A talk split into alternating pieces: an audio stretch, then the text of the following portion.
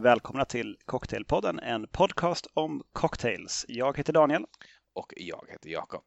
Hej Daniel, hej, hur är det i karantän i Göteborg, eller i Hindås, förlåt? Ja men det är bra, vi var, vi var, samlades på kontoret eh, alla vi som var, var krya under gårdag, eller i fredags. Så att vi, eh, jag fick se lite folk helt enkelt. Mm. Det var spännande och eh, jag fick ta på mig byxor. Ja, det kan inte varit kul. Ja, det känns inte som du riktigt. Nej, men det var... Det, det kändes som att man var en människa på något vis igen. Men vi ska inte dröja kvar vid, eh, vid pandemin idag. Det har vi avhandlat eh, väl i föregående avsnitt, Cocktails i kolerans tid. Just precis. Idag ska vi återbesöka vad vi i början tänkte skulle bli någon slags liten miniserie eh, där vi skulle gå igenom olika flaskor som hade fått stå tillbaka eh, och inte fått, fått något, eh, något vidare, någon vidare speltid. Ehm, och då, den gången, så valde vi båda två eh, aprikoslikör, va? apricot brandy. Just precis. Eh, av en händelse. Den här gången tror jag är nästan säker på att vi inte har valt samma. Jag är nästan säker på att du inte har det, det som jag har framför på bordet här. Jag är ganska säker på att eh, du, om du inte äger den produkt jag har, så eh, har du någon, vid någon tillfälle gjort det, åtminstone druckit det. Så att jag, jag, av det du säger så tror jag att det är sant också. Eh, och, och, det är ju, som du just förklarade, tanken att det är alltså någonting som vi har och tycker om, va? eller tror oss tycka om, men aldrig kommer oss för att använda. Och det här kan bli ett litet sätt att då kanske liksom spark, spark something som gör att vi, att vi kommer igång. Och det hände ju med just Apricot Brandon där faktiskt. Den hade stått i ett år eh, nästan, typ öppnat på den, smakat på den och sagt om det här är gott alltså, det här är gott, gjort en drink, tänkt att det här var, det var en god drink och sen aldrig igen. Men den tog ju slut ganska snabbt efter Eh, efter vi spelade in det här avsnittet och är ju nu en av våra stapelprodukter. Så där funkar det faktiskt. Vi får se om eh, den här drycken eller produkten som jag har framför mig idag kommer att eh, nå samma glada öde till mötes. Återstår att se. Ska vi, ska vi göra det, det stora avslöjandet eller? Ja, ska vi göra det? Jag kan bara, jag kan bara säga en sak, berätta om ett litet haveri. jag ja, men det låter väl trevligt. var med om. Jag vi var på en cocktailbar för ett tag sedan, jag och Linde.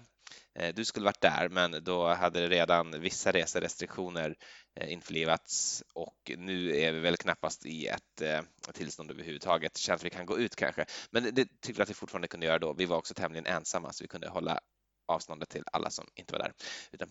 Men i alla fall, där fick vi en drink med Baiju, den här kinesiska brännvinet. Och det betyder väl typ brännvin eller bränd sprit eller någonting sånt tror jag. Baiju. Men eh, det, det triggar i alla fall lite nyfikenhet. Vi har ju ätit många måltider på restaurangen China eh, tillsammans och där brukar jag beställa eh, ett litet glas av något som heter Ergo 2 eller något i den stilen som också är en, en Baijiu, men den, den, som vi drack då på det här cocktailbaren smakade helt annorlunda. Så jag kollade upp vad som fanns på bolaget och eh, beställde hem två flaskor då. En av den här som vi brukar dricka på China som ju smakar lite grann som en typ grappa eller en albansk raki eller någonting sånt, liksom simpel, simpel sprit. Eh, och ett av något då som skulle vara strong aroma som var betydligt dyrare och gissar därför liksom räknas med som en sorts högstatusprodukt. Kom i väldigt fin flaska också, eh, som i sin tur låg i en ganska, ganska fin kartong. Och eh, samma dag som vi fick hem det här, nämligen nu i fredags för två dagar sedan, så tänkte jag att jag kan väl pröva att göra en martini på den här liksom dyrare, finare Baijun eh, ja, något värre har jag fan aldrig druckit. Eh, efter nästan börjat grina eh, och liksom oförmögen att ta mer än liksom milli, milliliter stora sippar så hällde jag faktiskt ut det. Men alltså värre än den här ingefärsmedicinen du köpte? Ja, du det, det, är ju en, en, vad heter det, det är inte ingefära utan det är Ginsengmedicin? Ja, men precis. Det här vart alltså värre? I samma härrad. Man känner ju nu när man dricker den här baijun att det är ju någon sorts baiju som är botten också på eh, ginsengspriten. Jag tror att det var ginsängen som gjorde den så vansinnigt äcklig, men det, var, det är nog inte bara det, utan det är nog en, en kombination. Men den här var som den Alltså de här, det, det som brukar kallas funky eller pungent, som du vet kan vara i vissa rommer, typ en uh, Smith, uh, inte, ja, men lite Smith Cross, men också framförallt Ray and Nephew tänker jag på. Eh, det är liksom starka dofter, starka smaker och det var inte liksom alls samma smaker och samma dofter, men alltså något så fruktansvärt pungent. Eh, Lindas första och enda eh, kommentar efter att ha smakat på, på eh, martinen var att eh, det, det, det är en väldigt stark, väldigt stark smak av spya. Ehm.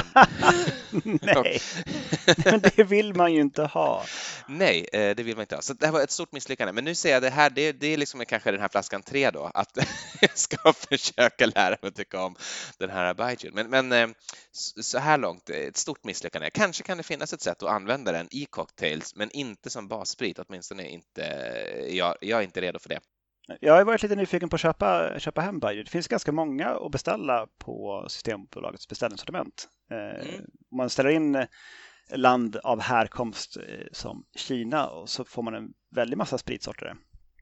Så det kan vara, det kan vara kul och, och om jag kan hitta några andra sorter än vad du har där och sen så kör vi ett avsnitt på det. Jag, jag har varit lite sugen på det. Ja, men det tycker jag vi, du bestämmer det här nu. Jag tänker mig någon slags skaffa. att den liksom kommer till sin rätt om den får vara rumstempererad. Vem vet? All right. men det var inte det du skulle prata om? Nej, det var det inte egentligen. Det var en, en, en liten rolig anekdot bara för att få igång samtalet. Eh, ja, men ska jag berätta vad jag har då bara? Jag kan visa det. Jag håller upp det och det är en stor flaska och på den står det Pims number one cup. Tjusigt. Också känt bara i folkmun som Pims. Men har ni svårt att göra av med Pims? Ni, ni tycker ju Pims hela året, inte, ens, inte bara när det är Wimbledon på TV. Nej, eh, vi, vi gör ju PIMS ibland, men vi pratade lite grann om det nu innan. Varför, liksom blir, varför är den kvar fast vi båda tycker om det så mycket? Eh, och det är för att det vi alltid gör när vi gör PIMS, det är ju någon sorts liksom Royal PIMS Cup eh, som vi infuserar med massa frukt och mynta och eh, lemonad och gin och eh, champagne. Och det är eh, så ofattbart gott, men man gör det liksom inte i en sittning utan du måste göra en kanna eh, för att liksom receptet du kan liksom inte infusera till ett glas utan du måste göra en så stor mängd att det aldrig riktigt blir tillfälle. Eh, det är i princip bara om man har besök av någon annan som också gillar PIMS eh, som, som det är värt att göra och då måste man ändå förbereda det på liksom långt i förväg så att det är svårt att liksom göra spontant också för att det ska infusera några timmar. Ett besök av någon annan som gillar PIMS, det är väl alla besök?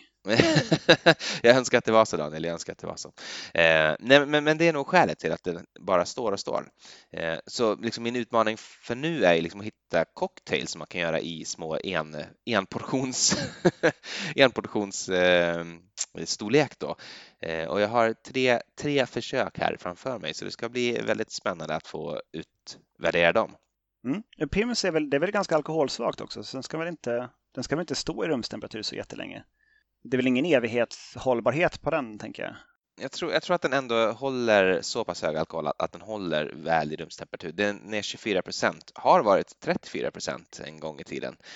Eh, typ på 40-talet så var den 10 procent starkare ungefär. Men jag kan bara gissa att det har att göra med skatte, liksom, reform någon gång i Storbritannien eller sådär så har receptet ändrats och sänkts i alkoholgrad. Eh, men det kan man ju lätt ordna genom att bara hälla i lite extra gin i det så får man det tillbaka till liksom mer, mer likt originalreceptet. Mm. Ett, ett litet tips. Pro-tip. Yep. Eh, jag har valt eh, en Eucalitino. en eukalyptuslikör från Italien. Ja, nej, det här... jag var rätt säker jag var inte nära. Jag, jag, jag, var inte där liksom och rafsade. Ska jag ta eukalyptuslikören? nej, fan, det blir pimst. nej, men det här, är, det här är faktiskt en, eh, en flaska som jag ändå har, liksom, har bävat lite för. Jag köpte den eh, via en bulvan i, som, som bor i England som skulle över hit som fick köpa den. För den, den jag går inte att beställa på Systembolaget. Och man kan köpa den om man är på plats i Italien, men den fanns också på någon liten sån sprithandlare i, i i London som vi att få tag i där.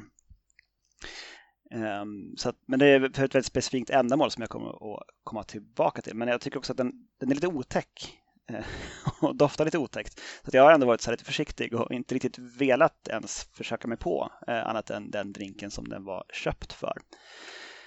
Det är väldigt stark smak i sig är det ju, eukalyptus. Mm. Här, den är ganska så, jag ska ta, hälla upp lite grann och smaka på den bara som den är. Så den är kryddig nästan. Mm. Och om du har druckit typ Retsina-vin någon gång, sånt där som är, smakar lite kåda, så är det lite åt det hållet också. Det smakar lite så trä, cederträ typ. Märkligt. Märklig, märklig dryck att eh, dricka som den är. Men eh, du kanske vill starta upp oss med en av dina drinkar så du får väta strupen, Jakob? Eh, det kan jag göra. Eh, det kan jag absolut göra. Eh, när, man, det, här har vi pratat om många gånger. Vad är det första man gör när man ska hitta recept till en specifik produkt? Jo, man går in på, på den här produktens egen hemsida, för där har de ju alltid samlat de mest lustiga recept med de mest fantasieggande namn, eller vad heter det, beskrivningar tycker jag. Och på Pims hemsida så har jag hittat eh, drycken med, med det, tycker jag, faktiskt ganska roliga namnet The Pimlet som är en sorts Pims eh, Gimlet då. Okay. jag, tycker, jag tycker ändå det håller som, som ordskämt. jag hittade den här först på, på hemsidan Country Mag jag ska säga, townandcountrymag.com som hade en lista på de eh, bästa cocktails eh, som man kunde göra med Pims. Men ser då liksom på bilden också att de bara har snott den från, eh, från Pims egen hemsida. Så det tyckte jag var lite fult, så därför vill jag pinga hemsidan istället. Ser dock nu när jag jämför recepten att de faktiskt skiljer sig åt lite grann. Eh, där Town and Country Mag har, har uppat den här drinken då genom att säga att man ska muddla gurka och mynta i botten på eh, cocktailshaken, men någon sån instruktion finns inte alls på Pims eget recept då. Men jag har gått på Pims eget recept och eh, det lyder så här. 25 milliliter Pims number one cup. Jag kommer återkomma kanske till de här numren sen också, för de, de rymmer mer än vad jag hade trott från början. Eh, men Pims number one cup, det är den helt vanliga då, Pims som man köper i affärer. Eh, 25 ml gin, 25 ml limejuice, alltså lika delar Pims, gin och limejuice. En liten, liten skvätt med sugar syrup och där tog jag en fjärdedels ounce. Eh, och sen mynta och eh, gurka som garnish och den ser att jag har gjort i en liten fin S-form. Jag vet inte om du ser där i webbkameran. Men eh, det är en ganska, en ganska tjusig slice med gurka faktiskt, om jag får säga det själv, och, och eh, en, myntakvist där då. Det här ska förstås skakas och finsiras för övrigt då, till ett lämpligt glas, i mitt fall martini.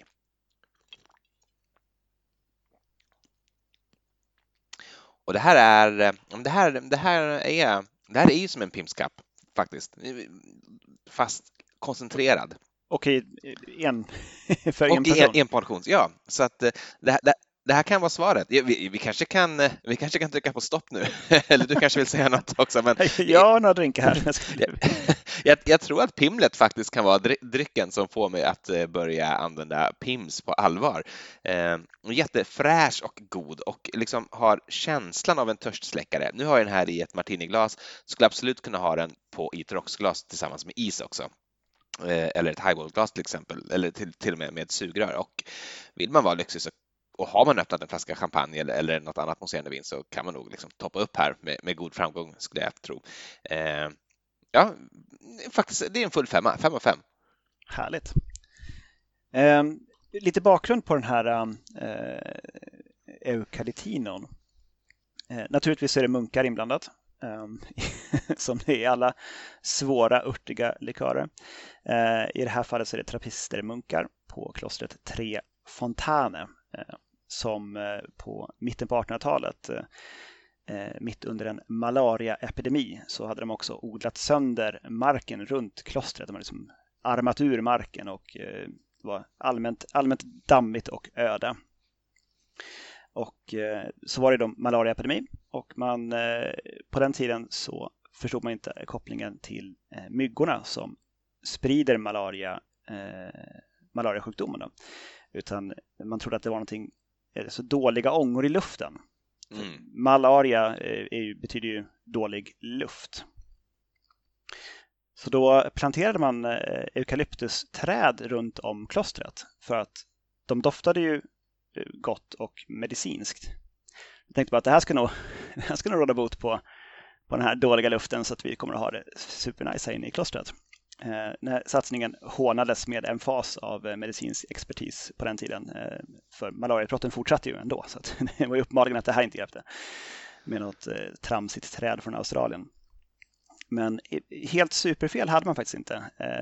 Det finns en del eteriska oljor som faktiskt har påvisbar effekt på att avskräcka myggor. Så att, men det kanske inte hjälper om det bara står ett träd där. Eh, men då hade man i alla fall massa träd runt omkring klostret och eh, driftiga som munkar är så började man göra en likör som då är den här eukalyptino som fortfarande görs än idag på det klostret. Man tillverkar även numera en bitter som heter Estrato de Eucalyptus som är helt sockerfri och misstänker jag aningen mera burdus än den här. det låter det. den, den, låter som en, en käftsmäll. Um, Fun fact, eukalyptusträdet har använts i berusande syfte eh, i Australien sedan urminnes tider. Man tappar saven av en viss sorts eukalyptusträd och låter den jäsa. Eh, blir det någon dryck som enligt botanisten John Lindley som skrev 1847 att det blir någonting som liknar öl. Mm, okay. Jag tvek på den säger jag. Men... ja, samma här, men absolut. Men det, men det går och det, man, kan, man kan göra det. I alla fall, då har jag min första drink som eh, är en variant av av en Aviation med namnet Bona Aria, alltså god luft. Just det. Är det du själv som har namngett den eller? Det gör det. Ehm, det finns eh, inga recept och ingen hemsida i det här fallet. Så att ehm, det, det, var, det var ont om instruktioner från munkarna på hur man ska tillreda den här och eh, ganska skralt på internet eh, överlag. Och inte heller på flaskan något eh, nedtecknat recept? Nej, nej, det, det, står nästan ingenting. Det, står väl, det finns ett, eh, ett stämplat nummer för vilken, eh, eh, vilken batch det är. Och sen så står det vad, vad det innehåller och det är eh, vatten, sprit, socker och infuserade blad av eukalyptus. Det är allt vad det är. Mm. Och eh, ingenting på baksidan. Så att det, du får göra mer än vad du vill.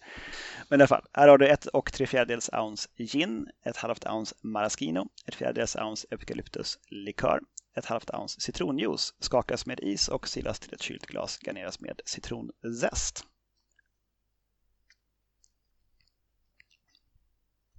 Det är omisskännligen en, en aviation. Mm -hmm. um, det är jättegott. Funkar alldeles utmärkt. Det är en hit tveklöst. Jätteglad. Den, eh, den är bra. Ehm, jag kan hugga en till på en gång för jag har ganska många här. Eh, nämligen den drink som eh, var upprinnelsen att vi har den här flaskan överhuvudtaget. Om du minns så var vi på Artesian för väldigt många år sedan. På Langhams hotell. Det var något barteam där som var har jag förstått senare, mera legendariskt som jobbade där under den tiden och som gjorde massa kreativa drinkar. Eh, det här är en drink som Emily fick in som heter Forever Young. Som kom in som en liten silverbägare bakom en spegel genom vilken ett metallsugrör stack. Och som var någon slags opiumrökelse bakom som liksom ångade upp bakom spegeln. Eh, Så man, så, man såg sig själv medan man drack? Ja, du stirrar liksom ner i ditt eget ansikte i den här spegeln. Mm. Ehm, som någon slags Dorian Grays porträtt-tanke hade de, minns jag. Det stod i menyn. Så det här receptet har jag lyckats googla fram faktiskt på, på lite omvägar. Ehm, eh, tycker inte att den blev riktigt som jag hade minst den faktiskt. Som vi minns den så var den typ lite citrongräsig och sådär. Det blir den inte alls här. Eh, men i alla fall, den serveras eh, här i en liten silverbägare. Svårt för att visa upp i kameran förstås, men eh, med en liten sån fickspegel också. Så att man liksom får, den står så att coastern är en fickspegel som man liksom stirrar ner i sitt eget ansikte när man dricker den här drinken. Då har vi 5 centiliter vodka, 2 centiliter eukalyptuslikör, 2 centiliter torr vermouth, 1,5 centiliter citronjuice, en bar sked maraschino-likör, och ett stänk sodavatten. Nu skakar du allt utom sodavattnet med is och sen slår du i sodavattnet i shaken när du är klar och silar upp i ett kylt glas eller hellre en liten silverbägare. Har du en spegel som du kan servera på ett snyggt sätt eh, på något vis, ta med den. Eh, annars eh, låt bli detta. Alltså det är ju det är gott. Men jag, det är någonting där som jag inte riktigt... Det kan ju vara att de har haft en helt annan vermouth eller att de också har en, en annan eukalyptuslikör. Mm. Ifall det mm. finns något annat kloster någonstans. Kan, kan, inte, kan inte finnas en så stor bredd va, i eukalyptuslikörer tänker jag. Det måste, det måste, vara, det måste vara den som finns som man, som man eh, köper. Men, men det, det, är en, det är en god, eh, en god skapelse. Men eh, inte som mitt minne vill att den ska smaka. Men det kan ju å andra sidan vara fel. Det är ju jättemånga år sedan vi var där. Det var, ja det måste vara fem plus. Nej, åtminstone fem år sedan. Åtminstone fem år sedan, absolut. Ja, sen. Eh, ja, men ändå två bra drinkar som du har mm. lyckats eh, producera med den här flaskan. Det båda ju gott då inför att du ska kunna tömma den innan året är slut. ja, det är svårt att få en ny bara, så jag kommer nog hushålla lite med den. jag kanske också ska, ska säga någonting om, om Pims. Det är ju en sån klassisk brittisk dryck som liksom, en Pims Cup är ju på något sätt sommardrycken framför alla andra i Storbritannien och det är ju också när vi har varit på besök i London, eller jag Linda då framförallt, eh, som jag har upptäckt Pims överhuvudtaget. Jag har egentligen inte känt till den här eh, ganska tråkigt utformade flaskan, eh, eller liksom inte lagt märke till den ska jag säga, innan, innan vi drack Pims Cup i, på sådana liksom turistiga ställen som eh, Eh, The Serpent kan det nog heta i Hyde Park. Eh, en, en liten pub där de serverar liksom Pims och öl i princip bara. Eh, nu sista åren när vi varit där så har den ju fått eh, lite konkurrens. Du kan säkert gissa Eh, vilken annan somrig dryck har svept över världen? Skulle det kunna vara Valborg kanske? Ja, det, jag ska ta det. Aperol Spritz. Eh, ja, Okej, du tänkte större. Jag tror du menade i, i ditt och Lindas eh, liv. Att det hade fått konkurrens där? Nej, okej. Okay. Jag, jag, menar i, i London, att, tidigare så har det i princip bara, tycker jag, när man har varit någonstans och vill ha liksom någonting läskande så har det bara varit Pims Cup. Eh, och då är det i princip Pims och typ sockerdricka eh, och kanske en liten mintkvist i. Alltså det, eller mynta, det, det, är verkligen inte något liksom fancy stuff och du får dem i plastglas och sådär. Eh, men, men det har varit väldigt stort och eh, det är liksom lite grann som när första solstrålen kom till Sverige. Då går ju svenskarna ut och ställer sig vid en husvägg och eh, liksom njuter av solen. Och jag tror att det är liksom lite samma i Storbritannien att så fort första solstrålen kommer så beställer man, liksom, går man ut och så beställer man en pilgrimskapp och sen får man skynda sig in under ett tak för att det har redan hunnit börja regna eh, innan man har fått drycken i sin hand. Men sen sitter man i regnet i alla fall och njuter av att sommaren äntligen är här. Det är något visst med eh, alkohol att jag dricker i plastmuggar ändå. Ja, men det är det. Det, det, det är ändå no, det, det, har någonting. Eh, och det har ju någonting, inte minst på Wimbledon. Du nämnde ju Wimbledon där i, i början på avsnittet och eh, det här har ju liksom blivit för Wimbledon, alltså den stora tennisturneringen, som typ eh, Mint Julep är för Kentucky Derby i USA. Det, det, det är djupt förknippat och Pims började man dricka den 1971. Lite oklart varför, men Eh, det varit någon sorts här super instant hit i alla fall att man ska dricka Pims Cup när man är och tittar på tennis på Wimbledon. Så 230 000 servings har de ungefär en genomsnittlig turnering. Jag har lite svårt att avgöra om det är mycket eller lite egentligen, för jag vet inte hur många som besöker. Det låter inte jättemycket ändå. Nej, men om man tänker att det är, tänker man att det är liksom är det, är det 200 000 som besöker den, då är det inte mycket. Men är det typ 20 000, och då, då dricker alla 10 Pimskapp var. Det är ändå ganska mycket. Men jag, jag vet inte, jag, jag, vet faktiskt inte alls hur stort, hur många, hur många man är där. För det är väl, det är väl en eh, arena som man är på, så det kan väl det kan inte vara liksom oändligt, oändligt med folk i alla fall. Eh, ska, ska låta det vara osagt. Jag är inte speciellt intresserad av tennis, mer intresserad av Pims då eh, egentligen. Eh, det började från början som eh, någon sorts fruit cup, alltså typ en färdig dryck egentligen, men som man typ blandar med ginger ale eller lemonad eller någonting. Men eh, alltså typ en, en färdig, en färdig cocktail typ. Eh, så det här är ju ginbaserat då, den som heter nummer ett. Och så är det olika kryddor och apelsin. Och så ska man typ dricka det som det är eller, eller spä ut det med ginger ale eller någonting annat sånt läskande. Och det är någon, nu har jag glömt vad han heter det, men typ James Pim eller någonting sånt. Det, det, är, det är någon gammal gubbe, Pim i alla fall, som är upphovsmannen också och det här var 1840-talet. Han var skaldjursmånglare eh, och, och, lyckades då med tiden öppna ett litet ostron, ostroneria, ett, ett oysterhouse Eh, och Oyster Houses var otroligt vanliga och populära längs då Themsens strand på den här tiden. Eh, så för att sticka ut så skapade han också en sån fruit cup som bara gick att dricka hos honom då och som man skulle ha till de här ostronen. Så från början tanken att man ska ha det här Pims till ostron. Men det kan jag nog förstå nu. Jag tycker inte det känns orimligt. Nej, faktiskt inte. Nej, det, det gör inte det. Inte, inte alls när man tänker på det. Eh, det är ju en ganska bitter, bitter dryck. Eh, som jag nämnde då tidigare betydligt kraftigare än vad den är nu. Då var den ju 34 procent, nu ligger den på en 24-25 procent. 25 procent står det på min flaska, men 24 procent har jag sett på någon sorts beskrivning. Jag vet inte om det beror på att jag har köpt den här som travel retail eller om det är en, bara någon uppgift som är fel, men runt i den här raden i alla fall. Men han eh, började sälja det här och eh, började även sälja på flaska och någon gång i början på 1900-talet så blev det liksom en produkt som typ bara såldes på flaska. Då var ju han såklart död sedan länge, men den fortsatte ändå att liksom leva kvar eh, efter, efter honom själv. Och någonstans här så börjar man också göra fler varianter av Pims och det är nu det här number one kommer in. För number one, det är på gin, det är liksom det första man gör det på. Number two eh, var samma recept men på scotch då. Eh, number three på konjak. Eh, nummer fyra, ja, någonting annat, rye kanske.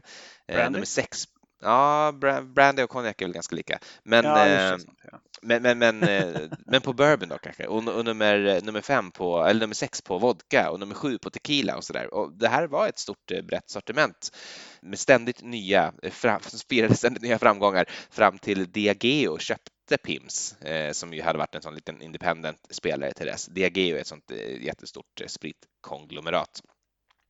Och av skäl som är förborgade så tog de bort ganska snart alla varianter utom nummer ett som bara var ensam kvar då. Och när jag säger att de är förborgade så är de inte bara förborgade för mig utan Simon Difford som har forskat lite grann i det där har också pratat med då the chief archivist på DGO. Eh, men det finns inga dokument kvar som, eh, som eh, berättar underlaget till det här beslutet. Så heller ingen på DGO vet egentligen varför de tog bort alla de här eh, PIMS-varianterna. Eh, så, så, men det gjorde man i alla fall. Och först 2004 så börjar man tillverka dem igen. Så nu finns även PIMS med vodka igen då, det vill säga PIMS number six. Ibland känner också som Winter Cup, men, men då, då är det vodka. Jag tycker det var roligare att prova den med whisky istället. Ja, eller hur? Det tycker jag också. Och även Rye hade de då. Alla, alla möjliga varianter. Och tequila låter konstigt, men I'll allow it. I'll allow it for now. Precis. Jag, eh, jag kan ta en till cocktail nu. Jag har en med is i. Jag kanske ska ta den eh, eftersom det, isen är ju det som smälter först. Och det här är en dansk uppfinning och den har ett danskt namn, men eh, jag eh, ska inte försöka säga det på danska utan jag säger det svenska namnet då och då är det Östersjökola. Eh, kan ni säkert ungefär göra en bild av hur det skulle kunna låta på danska. Och så här så står det då på Diffords Guide, därifrån jag hämtat receptet.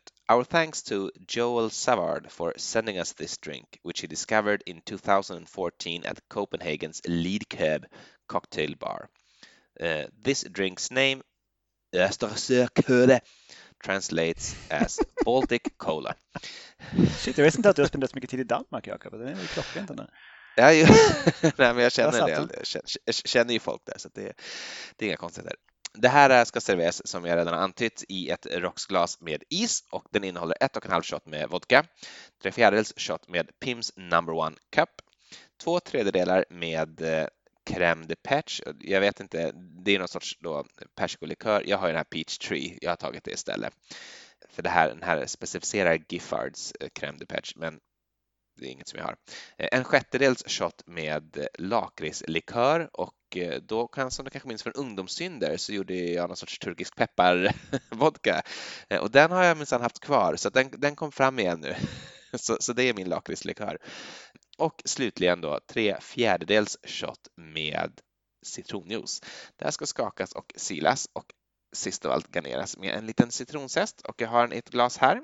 Ganska så fin, inte alls lik kola men eh, lite gul, eh, nästan, nästan guldfärgad faktiskt.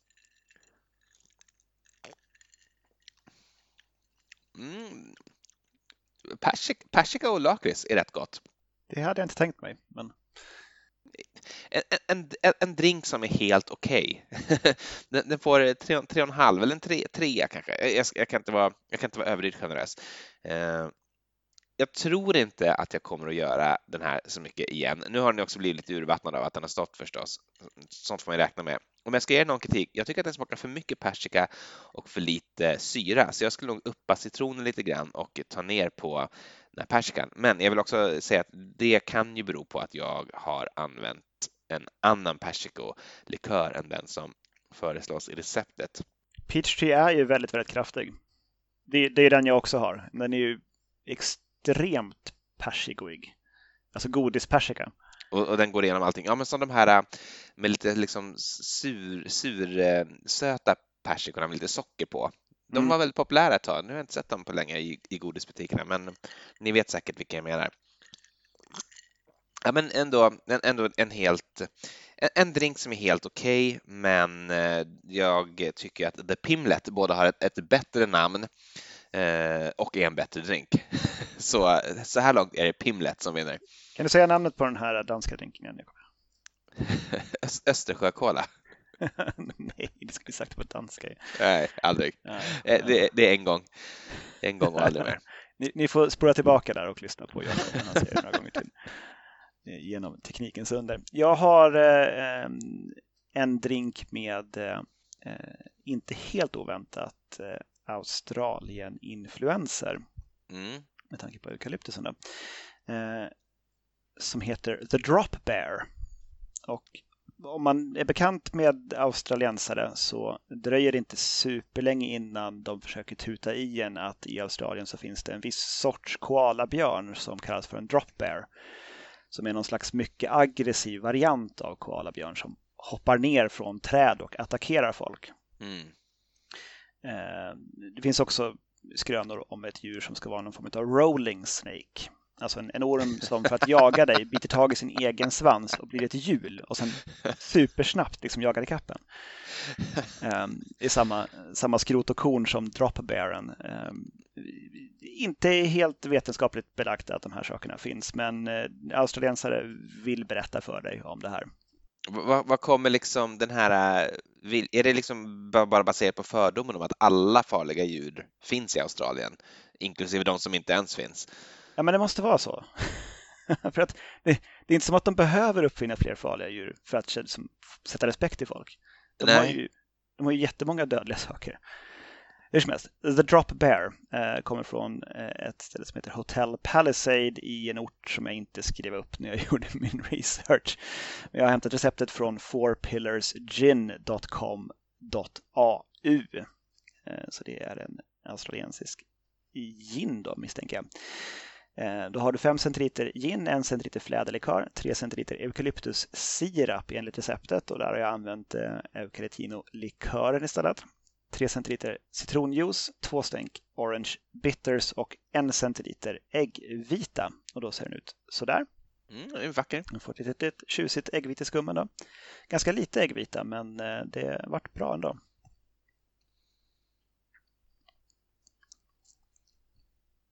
Gott.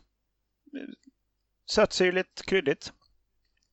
Uh, åt det torra hållet. Uh, jag tänker att uh, eukalyptussirap hade antagligen varit lite sötare än vad den här likören är. Mm, det är rimligt.